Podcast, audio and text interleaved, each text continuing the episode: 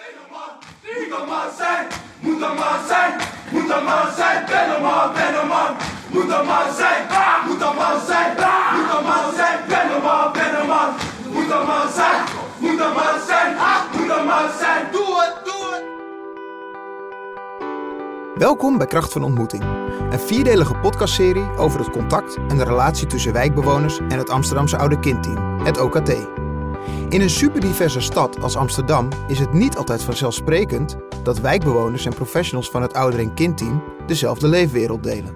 Hoe creëer je dan toch een connectie met elkaar? In deze serie volgen we verschillende jeugdprofessionals en de manieren waarmee ze jongeren en hun ouders ontmoeten. En proberen we samen met hen te onderzoeken waarom het zo belangrijk is om te investeren in ontmoeten. In deze aflevering praat reporter Edwin met Jury, oude kindadviseur in Amsterdam-Zuid, over de samenwerking met theatercollectief Lost Project. Zij organiseren samen theatrale debatten en avonden voor jongeren, professionals, ouders en anderen rondom de voorstelling Man Down. Deze voorstelling is gemaakt op basis van de ervaringen van jongeren over wat het betekent om een man te worden in onze samenleving, over verwachtingen, vooroordelen en maatschappelijke druk, maar ook over emoties, kracht en kwetsbaarheid van jongens op weg naar volwassenheid. Reporter Edwin neemt ons mee naar deze avonden waarin de ontmoeting met jongeren plaatsvond door middel van theater. Samen met onderzoeker Elena Ponzoni reflecteert Edwin op deze vorm van ontmoeting en de betekenis hiervan voor het werk van jeugdprofessionals. We horen ook een van de jongeren. Hoe heeft hij deze avond beleefd? Priscilla Faudel, de maker van Man Down, staat stil bij wat zij ziet gebeuren bij jongeren en professionals en hoe kunst kan helpen verbinding te maken. Ik ben Juri Brouwer en ik ben ouder- en kindadviseur voor het VO-team Centrum Zuid. En dat betekent het uh, voortgezet onderwijs. Dus ik begeleid jongeren die op het voortgezet onderwijs zitten in Centrum Zuid Amsterdam. Dat is super divers. Want zoals bijvoorbeeld vandaag heb ik vanmorgen een gesprek gehad met een moeder die uh, in armoede thuis leeft, geen verwarming heeft. In, en dat gebeurt allemaal in Amsterdam. En daar ga ik dan over in gesprek hoe we er samen voor kunnen zorgen dat zij, er beter, uh, dat zij beter woont. Waarna ik vervolgens sollicitatiegesprek heb gevoerd voor de nieuwe ouder- en kindadviseurs. En nu zit ik hier. Rijk en arm schuurt tegen elkaar aan. Uh, er is echt armoede in, in Amsterdam-Zuid. Uh, ook rijkdom.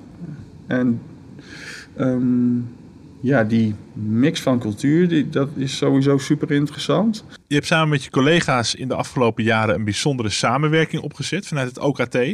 Wil je vertellen om welk project het gaat? Dit gaat over het uh, project wat uh, we noemen de kracht van de ontmoeting. Um, en in, binnen dat project zijn we eigenlijk uh, gaan experimenteren met andere manieren van ontmoeten. Um, en speciaal met theater. We hebben theater als middel gebruikt om gesprekken op gang te brengen en om ontmoetingen plaats te laten vinden. Ja, hoe gebruik je alternatieve middelen om te ontmoeten? Er ontstond een bijzondere samenwerking. Het OKT heeft theatercollectief Lost Project gevraagd theatrale debatten en voorstellingen te verzorgen. En heeft ervoor gezorgd dat jongeren, professionals uit de wijk, partnerorganisaties en buurtbewoners naar deze avonden kwamen en met elkaar in gesprek gingen. Lost Project speelde toen de voorstelling Man Down over man zijn en beelden van mannelijkheid. Hoe is het ontstaan dat juist deze voorstelling daarvoor werd ingezet? In alle eerlijkheid is dat denk ik ook een beetje een toevalstreffer geweest van een van onze collega's. Die ging naar een theatervoorstelling van uh, Lost Project. Wij zijn kostwinnaars. Brengen brood op de plank. Wij zetten tatoeages op ons achttiende. Of niet jullie? Wat? Wij rijden auto's. Moeten kinderen maken. Wij zorgen en verzorgen. Yes! Poetsen onze tanden met whisky.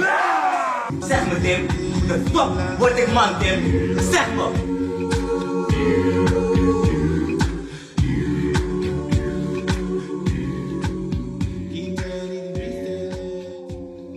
Zij was heel erg geraakt door die voorstelling. Zij zei: Ik ben zo geraakt, dit is eigenlijk iets wat ik andere mensen ook gun. Zo geraakt worden iets wat je ziet en daar vervolgens over in gesprek kunnen gaan. Dat stukje dat hebben we eigenlijk meegenomen en daarom is er gekozen voor theater. Ook in deze aflevering praat Edwin met Elena Ponzoni. Zij bezocht als onderzoeker de avonden die Lost Project en het Oude Kindteam samen organiseerden. Het is sowieso een hele bijzondere vorm van uh, ontmoeting. Hè? Dus het is een van die praktijken van ontmoeting die we hebben onderzocht in het uh, onderzoek. En ik vind het een hele bijzondere vorm van samenwerking. Ten eerste is het helemaal niet zo vanzelfsprekend dat jeugdprofessionals bij een organisatie als ouder- en kindteam theater inzetten in hun werk. Extra bijzonder in dit geval is dat ze de ruimte eigenlijk heel erg uh, open laten. Dus het is niet zo dat ze bijvoorbeeld theater inzetten als middel of onderdeel van een cursus of van iets dat zij bedacht hebben. Maar ze nodigen eigenlijk een theatercollectief uit om zelf een ruimte vorm te geven. Uh, en vanuit hun eigen register hè, en taal, dus dat ook de taal van, van hun voorstellingen, van, uh, van de jongeren die onderdeel zijn van hun voorstellingen. Uh, vanuit die taal gaan ze het gesprek met de jongeren en met de ouders in de wijk aan. Dus het ouder- en kindteam team die organiseert deze avonden. maar tegelijkertijd zijn de professionals, dus de jeugdprofessionals die daarbij aansluiten, ook een beetje te gast eigenlijk in een ruimte die vooral ja, door anderen vormgegeven is.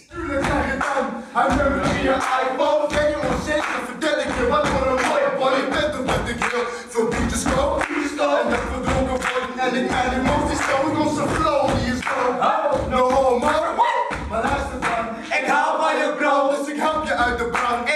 Ik ben degene die je brand dus je kan een knuffel heen. Ik ging met de meid naar bed, maar een dag later genoeg. Lost Project is een theatercollectief waar jonge acteurs met hele diverse achtergronden allemaal in meedoen.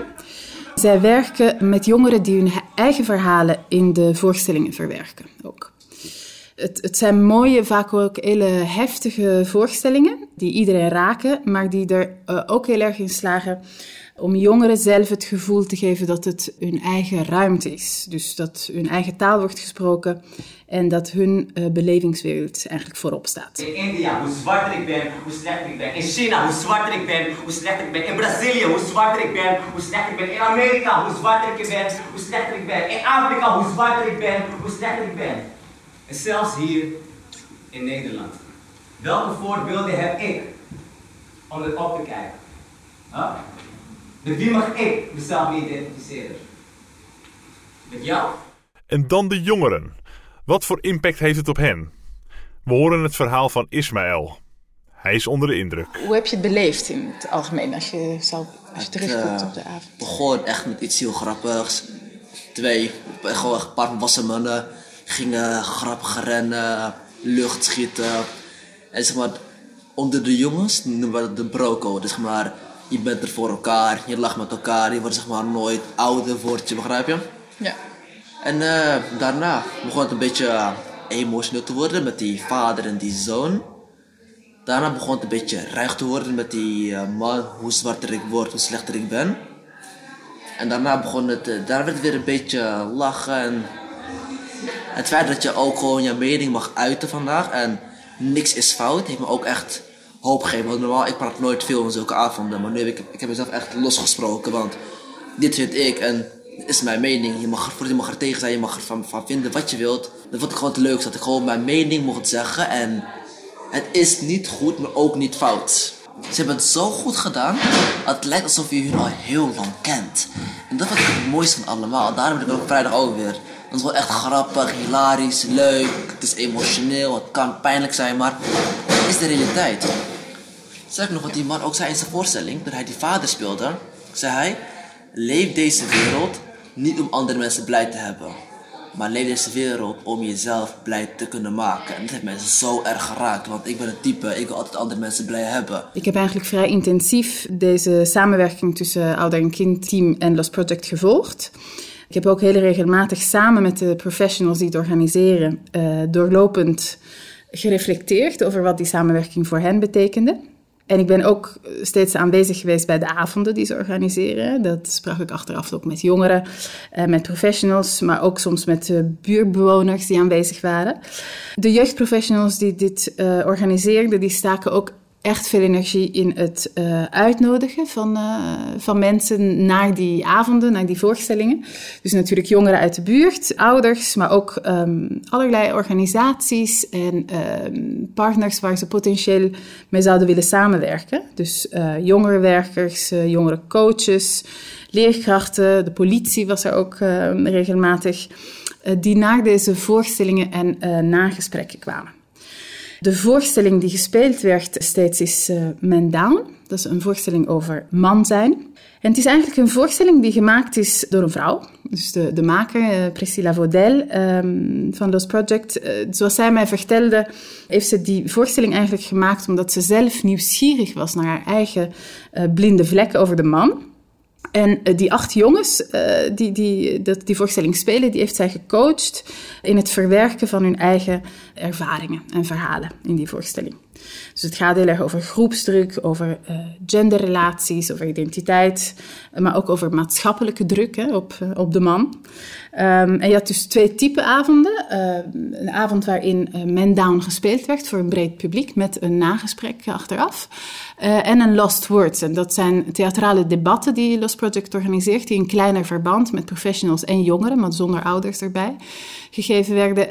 en waarin het gesprek steeds werd ingeleid door een stukje uit de voorstelling of een dans um, of een spoken word. Dus steeds door mooie stukken die dan het gesprek prikkelen. Na afloop van een van de avonden van Lost Project sprak Elena ook met de maakster van het stuk, Priscilla Vaudel. Overal ben ik best wel onder de indruk van de avond. Ik had het zelf nog niet zo ingeschat, omdat hulpverlener, jongeren die naar een debatavond moeten, dat klinkt best wel uh, dwingend of zo. Als ik jong zou zijn, zou ik echt denken, ja, dag. En dat was niet het geval. Ik merkte heel erg dat uh, mensen zich veilig genoeg voelden om hun mening te delen. Ik merkte dat de jongeren zich veilig genoeg voelden om ook wel echt ook kritische dingen te zeggen. En kwetsbare dingen. Dus, en dat persoonlijke, maar ook naar de hulpverleners toe van... hey, dit werkt wel voor ons en dit werkt niet voor ons. En daar was ik best wel van onder de indruk. En ook uh, wanneer de hulpverleners zich kwetsbaar opstelden om te delen hoe zij dan aan het werk gaan of hoe zij naar hun eigen functie kijken en hoe ze het in proberen te vullen, dat de jongeren daar ook gehoor naar hadden. Dus ik ben vooral heel erg verrast. En wat, uh, wat heb je zien gebeuren bij de hulpverleners, bij de, bij de professionals eigenlijk? Dat ze één heel erg uh, willend waren om hun ervaringen te delen. Maar ik heb ook gezien dat ze ook wel echt luisterden naar wat de jongeren voor ervaringen meegaven. En probeerden om daar wel in mee te denken. En ook wel eerlijk te zijn over, oh ja, maar daar moeten we, zijn we nog zoekende in. Of dat. En die, die gelijkwaardigheid waarmee er gesproken werd, die is natuurlijk gewoon waardevol. Want op dat moment voelt een jongere zich niet een probleem iets geval, maar een mens. En een hulpverlener zich op zijn of haar beurt ook mens. En die even niet in hun rol zaten. Waardoor ik het gevoel heb dat dat volgens mij heel erg goed is om de volgende stap met elkaar te maken. Wat is volgens jou de rol van de kunst daarin? Dus in die, die kunst... Nou, kunst verbindt. Anytime. Dus um, het maakt eigenlijk niet zo heel veel uit wat voor soort kunst het is. Op het moment dat uh, meer dan één iemand daarnaar kijkt, dan verbindt het die mensen met elkaar. Dus als het twee zijn, dan verbindt het twee mensen met elkaar. En zo steeds meer. Ook op het moment dat we met z'n allen even kijken naar uh, twee acteurs die een situatie spelen op een supermooie manier. Uh, dan kijken we daar even met z'n allen naar en dan voelen we daar even met z'n allen iets bij. Dus op dat moment verbindt het direct, sta je niet tegenover elkaar, maar naast elkaar. Ik hou heel erg van experimenten. Voor mij persoonlijk ging het echt over ontmoeten. Hoe breng je, je jezelf, je eigen menselijkheid mee in een ontmoeting? En wat van jezelf geef je bloot uh, om vervolgens iets te halen bij de ander? Die, die scheidslijn, dat is iets wat ik ja, zelf als persoon en als, als professional, als mens super interessant vind. En dat is eigenlijk waar dit hele gebeuren voor mij over is gegaan. Wat zag je gebeuren met jongeren? Door de ontzettende herkenbare manier van uh, theater maken. Wat, ja, wat ze doen is ze, ze ja, halen bepaalde stukken uit het leven. Die laten ze gewoon één op één zien op, op het podium. Ja, bepaalde dilemma's, problematiek die ze uitspelen. En dat is zo herkenbaar voor mij ook overigens, maar ook voor de jongeren die dat zien dat ze daardoor geraakt worden. Ja, de setting is zoals die eerste theater is natuurlijk afgesloten. Dus dat creëert een bepaalde ja, veiligheid, bepaalde surrounding... waarin jongeren dan ook de ruimte voelen om het gesprek aan te gaan, om zich open te stellen. Dat is eigenlijk precies wat ik heb gezien. De vraag, dus hierbij, in dit geval van Lost Project, is hoe kun je eigenlijk luisteren naar de ervaringen van uh, jongeren zonder dat direct jouw eigen kader, jouw interpretaties uh, en jouw waarden, um, die ruimte eigenlijk tussen jezelf en de ander gaat invullen. En soms is het echt nodig om um, in feite heel actief een soort stap naar achter te, te zetten. Uh, en in feite stil te worden als, als professional. En, um, en, en de ruimte laten voor die stem van de ander.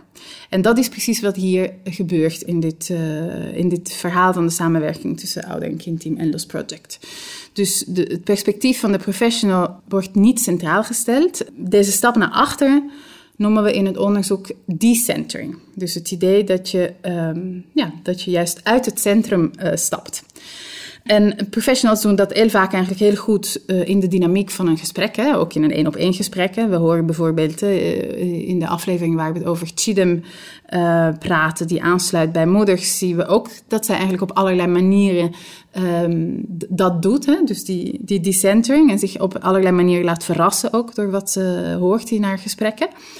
Maar je kunt het ook uh, doen in gesprek met een groep. En in dit geval ook in gesprek met een wijk. En dat is uh, eigenlijk precies wat er gebeurt in dit voorbeeld. Dus de professionals um, ja, nodigen Lost Project uit, worden eigenlijk tijdelijk stil en sluiten dan aan bij dat gesprek. En je ziet ook dat sommige professionals zich eigenlijk helemaal niet zo comfortabel voelen in die ruimte. En dat ze ook gewoon heel erg zoekende zijn naar wat is dan mijn rol als professional. Je ziet ook in die nagesprekken dat uh, professionals eigenlijk. De bedoeling van zo'n nagesprek is dat het een, een, gesprek wordt tussen alle aanwezigen en ook met de professionals. Maar professionals zijn vaak heel erg stil eigenlijk in die gesprekken. Dus je ziet dat de jongeren bijvoorbeeld helemaal losgaan in zo'n nagesprek. Want die, nou, die zijn allemaal heel erg enthousiast over de voorstelling en die willen heel veel met elkaar delen. En, en, professionals die zijn vaak stil, dus in, in interviews vertellen ze dat ze ook niet zoveel ruimte in willen nemen. Hè? Dat ze ook gewoon de ruimte aan de jongeren willen laten om zich de, te uiten. Maar je ziet ook dat ze een beetje op zoek zijn van ja, wat, ja, wat, wat kan ik hier eigenlijk delen? Wat, wat is mijn rol in? De kunst is eigenlijk om weer te recenter. Dus als professional eigenlijk weer je professionele rol te kunnen nemen daarin. En dat kan in het moment zelf, maar dat kan ook natuurlijk op een later moment. Uh, door die decentering hoor je allemaal dingen en aspecten die je misschien normaal in een gesprek met jongeren niet hoort. En dat vergroot je inzichten en tot die nieuwe inzichten moet je je kunnen verhouden op het moment dat je je expertise uh, op een ander moment in een ander gesprek weer inzet. Een jongen of man moet sterk zijn. Dat moet gewoon. Handen omhoog als je daarmee eens bent. Fysiek, laten we het fysiek noemen. Oké, wie is het daarmee eens, handen omhoog? Wie is het met deze heren eens dat we ook fysiek sterk moeten zijn? Man en vrouw? Oké, oké, helder. Volgende. Uh, een jongen of een man draagt absoluut geen jurken. Dat is gewoon not done. Niks wat vrouwelijk is, hoort bij een man. Dus door die, door die decentering ontstaat er eigenlijk een soort lege ruimte waarin je zo open mogelijk kunt luisteren naar de ander als professional. En dan is de kunst om te, om te recenteren. Uh, dus die recentering, dat is als je vervolgens inziet hoe, jouw kennis, uh, hoe je jouw kennis kunt inbrengen ook in die ruimte. Zodat het aansluit bij uh, de wereld en het verhaal van de ander. En misschien is dat ook een heel ander stukje kennis dan wat je eerst uh, had gedacht dat relevant zou kunnen zijn. Daring spaces, die gewaagde ruimtes, dat zijn eigenlijk ruimtes waarin je je veilig genoeg voelt om vanuit het perspectief van de ander naar jezelf en naar je eigen positie te kunnen kijken. En theater is een manier om zo'n daring space te creëren.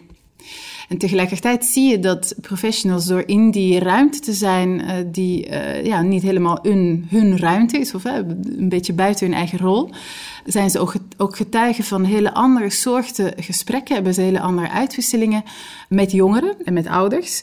Dat kan hen als professionals ook heel erg voeden. Dus op het moment dat je dan ja, weer terugtreedt naar je, naar je professionele rol, ben je ook te, ja, verrijkt in zekere zin. Heb jij daar voorbeelden van gezien na afloop van de voorstelling?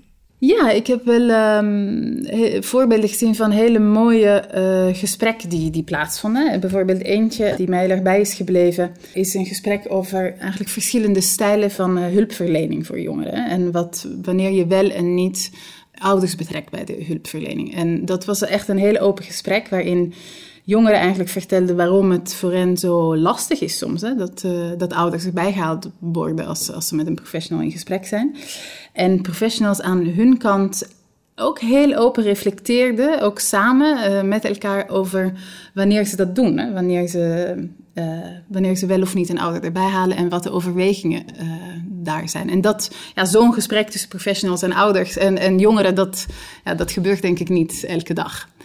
Een ander heel mooi voorbeeld zagen we in Nieuw-West tijdens zo'n Lost Word, zo'n theatraal debat.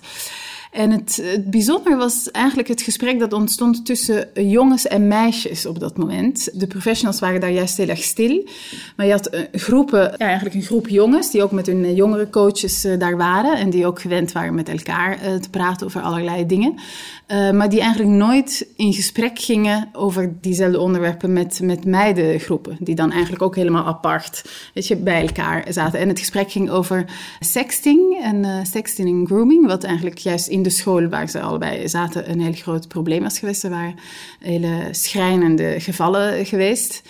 En de jongens die uh, nou, in eerste instantie uh, gingen die een beetje in de verdediging en vertellen hoe, ja, hoe het eigenlijk de verantwoordelijkheid is van de meiden. De, dat ze niet uh, bepaald zichzelf moeten exposen op een bepaalde manier of um, bepaalde beelden van zichzelf delen op sociale media. of op sociale media gewoon sturen. Meestal sturen ze dat dan naar, naar een jongen die het dan deelt. Het mooie was dat toen een meisje, of verschillende meisjes eigenlijk gingen vertellen over hun nou ja, hoe zij dat zagen, dat de jongens in feite een beetje uit, uh, uit die verdediging kwamen en, um, heel erg nieuwsgierig gingen vragen van, oh, maar wat, wat bedoel je dan eigenlijk? En op die manier ontstond er ja, ook een soort, het was heel duidelijk dat het een heel nieuw soort gesprek was. En op een gegeven moment werd er dan ook naar de uh, professionals gevraagd van, ja, waarom je, uh, meiden die krijgen de hele trainingen ook hierin. Hoe, uh, hoe ga je daar dan mee om? Hoe kan je jezelf beschermen? Maar jongens niet. Waarom worden wij eigenlijk niet uh, hierin getraind? En dat vond ik ook een heel bijzonder moment. Een soort spiegel ook naar de, ja, naar de hele samenleving in feite, maar ook zeker naar de professionals. En zo'n gesprek kunnen je natuurlijk ook heel erg voeden als professional en je inzicht vergroten. En um, ik moet ook denken aan een professional die ik interviewde. En die zei dat hij voor het eerst connectie kon maken door dus daar aanwezig te zijn en naar de verhalen te luisteren en naar de voorstelling te kijken. Dat hij voor het eerst connectie kon maken uh, met het gevoel van jongeren die zeggen dat ze anders behandeld worden van, vanwege hun uiterlijk. En hij zei, ja, dat, dat weet ik theoretisch, um, maar jongeren spreken daar normaal niet met mij over uh, in één op één gesprekken omdat ze misschien niet denken dat ik die ervaring kan herkennen. Um, en voor het eerst, dankzij die scène uh, van mijn down, kon ik echt meevoelen en echt relateren tot wat ze zeiden. Um, want ik denk wel dat dat een gesprek is dat we steeds meer met elkaar moeten gaan voeren, ook als we straks in de wijk gesprekken um, voeren met elkaar. Dus dat, dat was voor hem een hele, ja, dat vergrootte zijn, zijn inzicht ook in wat het, wat het betekent. Wanneer was de laatste keer dat je porno hebt gekeken? Ja,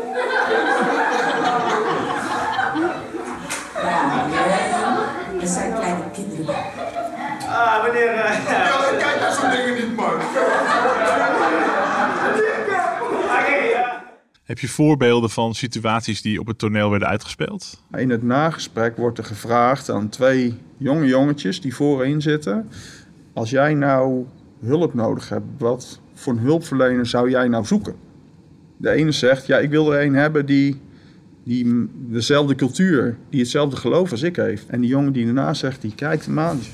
Nee joh, ik wil er een hebben die, die echt naar me luistert. En dat vond ik superleuk om te zien. Dat die jongetjes daar zo openlijk over spraken. En dat ze ja, twee vriendjes naast elkaar die elkaar ook tegenspraken. En dat is dan voor mij meteen het voorbeeld van de veiligheid die daar dus gecreëerd wordt. Waar je normaal ziet dat jongens in groepen met elkaar meepraten zijn, voelden zij de vrijheid om allebei iets anders te zeggen. Een zaal vol, ja. absoluut. Nou, dat is dus wat het met de jongeren heeft gedaan. Wat kun je zeggen over wat het bij, je, bij jouw collega's heeft gedaan? Ja, daar heb ik eigenlijk een ander voorbeeld. Een avond die we hebben georganiseerd in CC Amstel, waarin we met jongeren en professionals zaten. We hebben ouders thuis gelaten.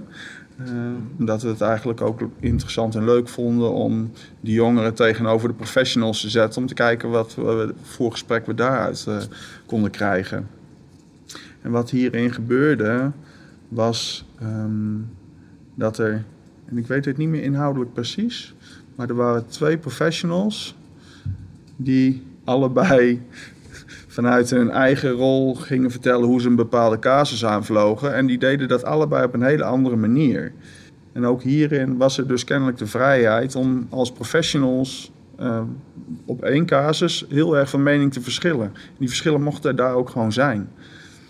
Dus dat vind ik super interessant. Ook zij voelden de vrijheid om hun mening te uiten en ja, niet in de meute mee te gaan. Dus dan creëer je ook een platform waarin je met elkaar kan leren. Er zijn vast ook andere partners in zo'n wijk.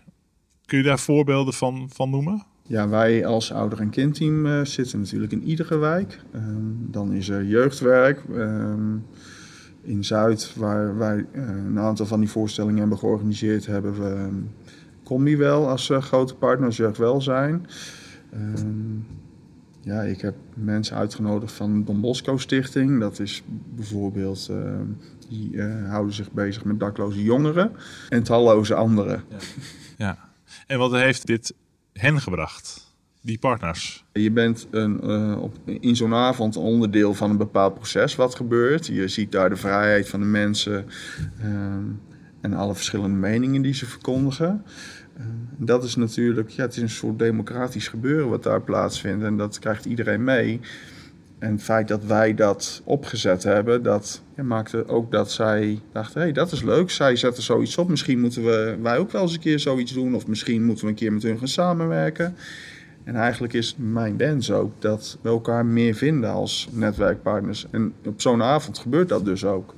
Dus ik heb nog steeds wel warme contacten met een aantal van de netwerkpartners die daar waren, waar ik nog steeds mee samenwerk. Dit is natuurlijk een uniek project. Waarom is het eigenlijk nodig, deze andere vorm van contact? Als jeugdprofessionals in gesprek gaan met jongeren, dan is het heel belangrijk dat ze heel breed kunnen kijken naar wie is deze persoon die ik voor me heb.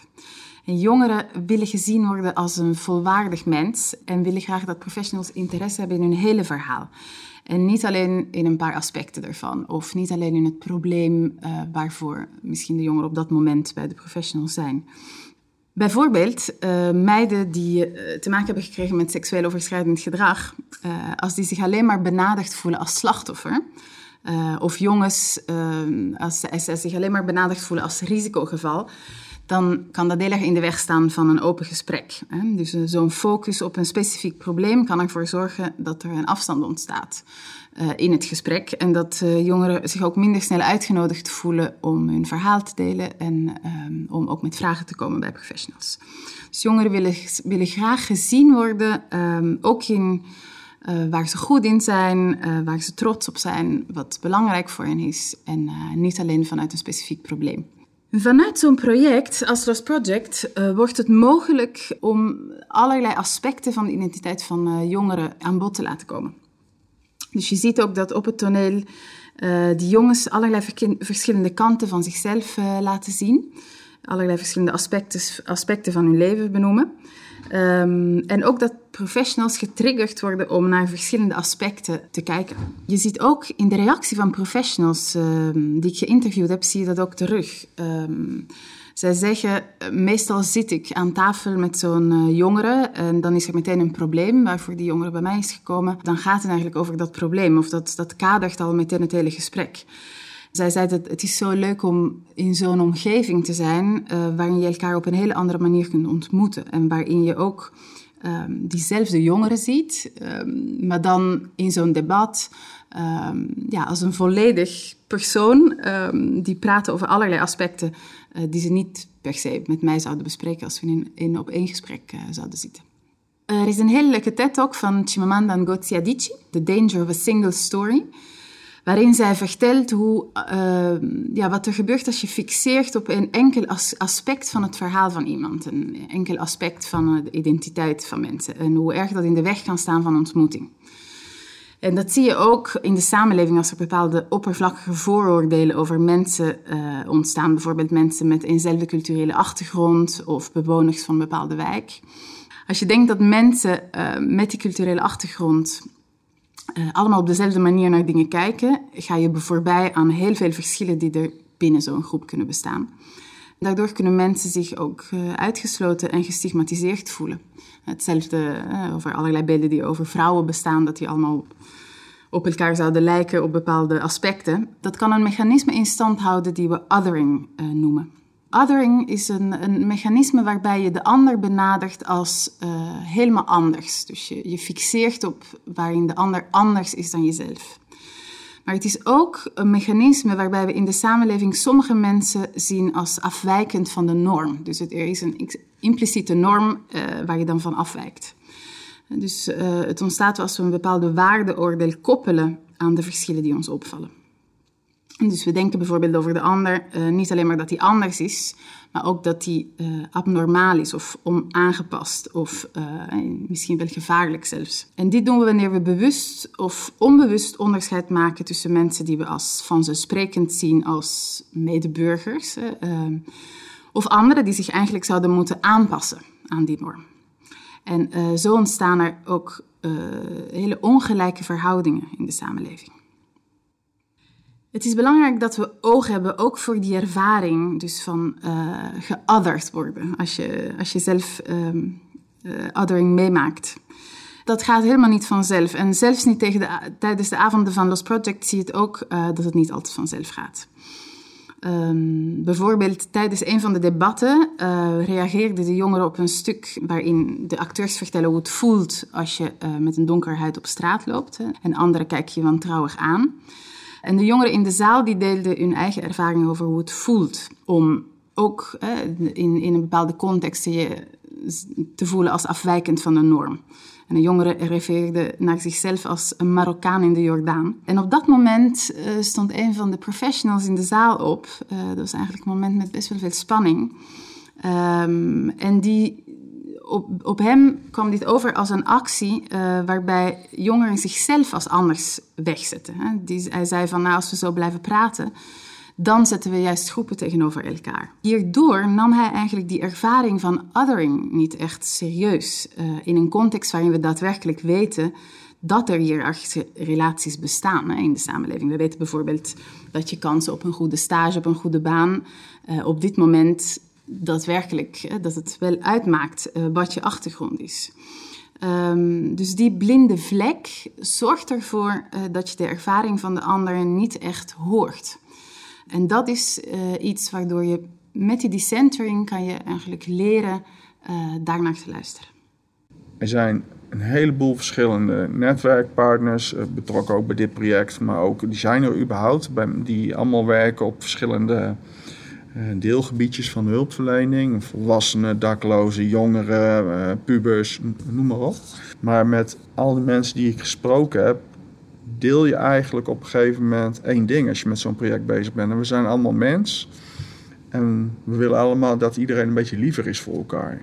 Dat zien in zo'n proces dat was voor mij wel heel prettig. Dat ongeacht welke rang of stand, we zijn allemaal gewoon mensen. En als we, ja, in ieder geval wij als hulpverleners, een beetje beter naar elkaar kijken, kunnen we ook veel meer bereiken.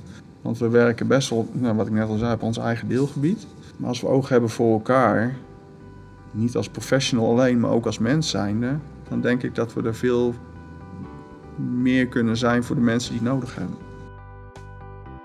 Je luisterde naar de tweede aflevering van Kracht van Ontmoeting over het contact tussen jeugdprofessionals en wijkbewoners. Deze podcastserie werd gemaakt door de Vrije Universiteit, Hogeschool in Holland en het Verwij Jonker Instituut in samenwerking met het Oude Kindteam in Amsterdam en partnerorganisaties. In de volgende aflevering praat reporter Edwin Kleijs met OKA Natasja en Jessica van Stichting Citara over de vraag hoe zij omgaan met gevoelens van afstand in een wijk waar professionals en wijkbewoners elkaar niet altijd vanzelfsprekend vinden. Er is ook een website, krachtvanontmoeting.nl. Daar vind je meer informatie over de podcast, interessante artikelen en ondersteunende opdrachten voor studenten van opleidingen Social Work en Pedagogiek. Ook kun je hier als jeugdprofessional meer informatie vinden over de werkwijze van het Oude Kindteam.